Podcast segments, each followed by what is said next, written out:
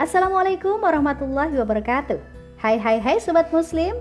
Jumpa lagi di podcast Narsi Pos Media. Kali ini bersama saya Mels dalam rubrik Motivasi.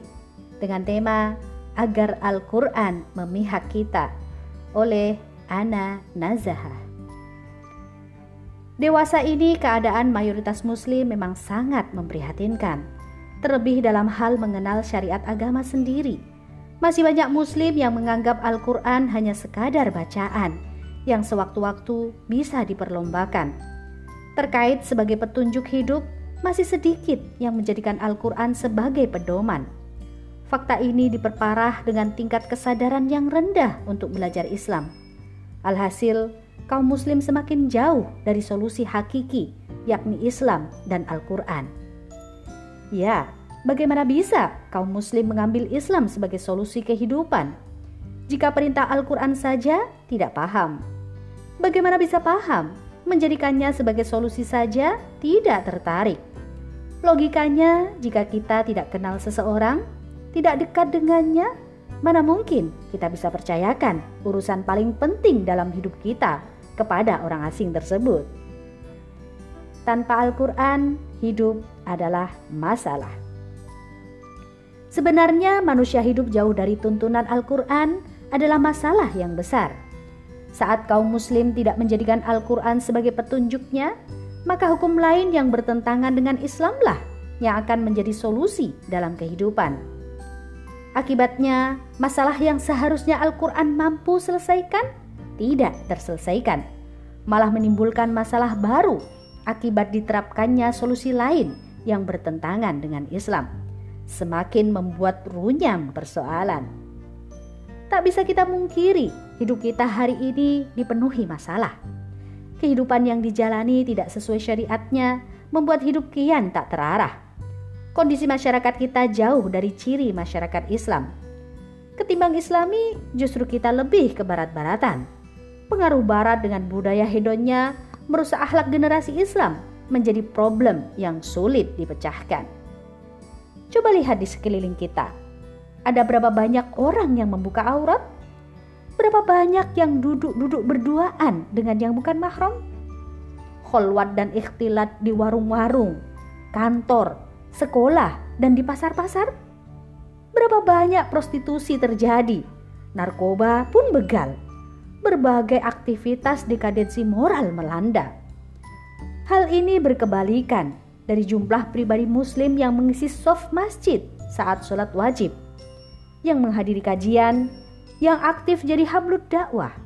Siapa yang lebih dominan? Yang mencirikan dirinya sebagai pribadi muslim atau sebaliknya?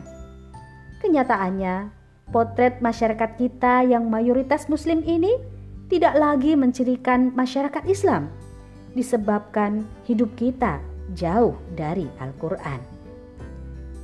Al-Quran adalah pedoman hidup. Al-Quran adalah petunjuk hidup yang Allah turunkan kepada Rasulullah Shallallahu Alaihi Wasallam, yakni sebagai penjelas dan pembeda mana kebaikan dan mana keburukan, serta mana petunjuk, mana pula jalan kesesatan. Imam atau Bari menyebutkan Al-Quran sebagai petunjuk hidup. Hudal linnas yang bermakna petunjuk untuk manusia ke jalan yang benar dan manhaj yang lurus, serta wabayinat, yakni penjelas yang menjelaskan berbagai hukum yang wajib dijalankan manusia, yang hukum-hukum tersebut meliputi hal-hal yang fardu, menjelaskan hudud serta halal dan haram. Jelas sudah bagi kita, siapa pun yang mengaku beriman dan bertakwa, jika ingin hidupnya tertunjuki ke jalan yang benar dan dijauhkan dari jalan sesat, maka tidak ada pilihan baginya selain mengambil Al-Quran sebagai pedoman hidupnya. Karena itu, keimanan seseorang kepada Al-Quran tidak bisa dinilai dari keyakinannya saja, melainkan disertai bukti nyata bahwa dia benar-benar menjadikan Al-Quran sebagai pedoman hidup, baik di dalam kehidupan individu, masyarakat, maupun dalam bernegara. Sebaliknya, jika ada Muslim mengaku beriman kepada Al-Quran, namun menolak secara terang-terangan syariat yang ada di dalamnya, maka bisa dikatakan Muslim tersebut belum sepenuhnya beriman kepada Al-Quran. Yang bisa saja masalah ini bersumber dari kebodohan atau kesengajaan, imbas paham sekularisme yang bercokol dalam kehidupan, yang akhirnya menggeser peran Al-Quran dalam kehidupan. Apa pun masalahnya, sampai kapan pun Al-Quran selamanya akan tetap menjadi pedoman hidup terbaik manusia.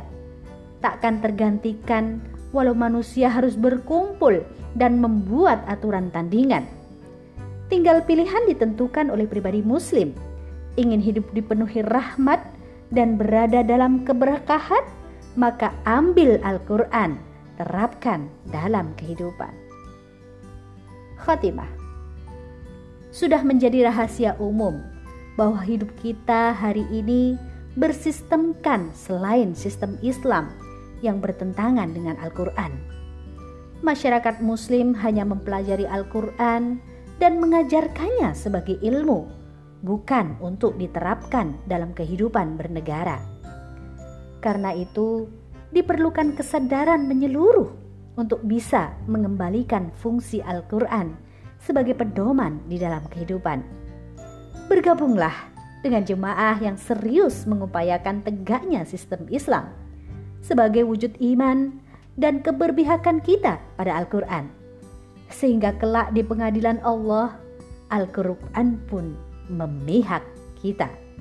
Wallahu a'lam.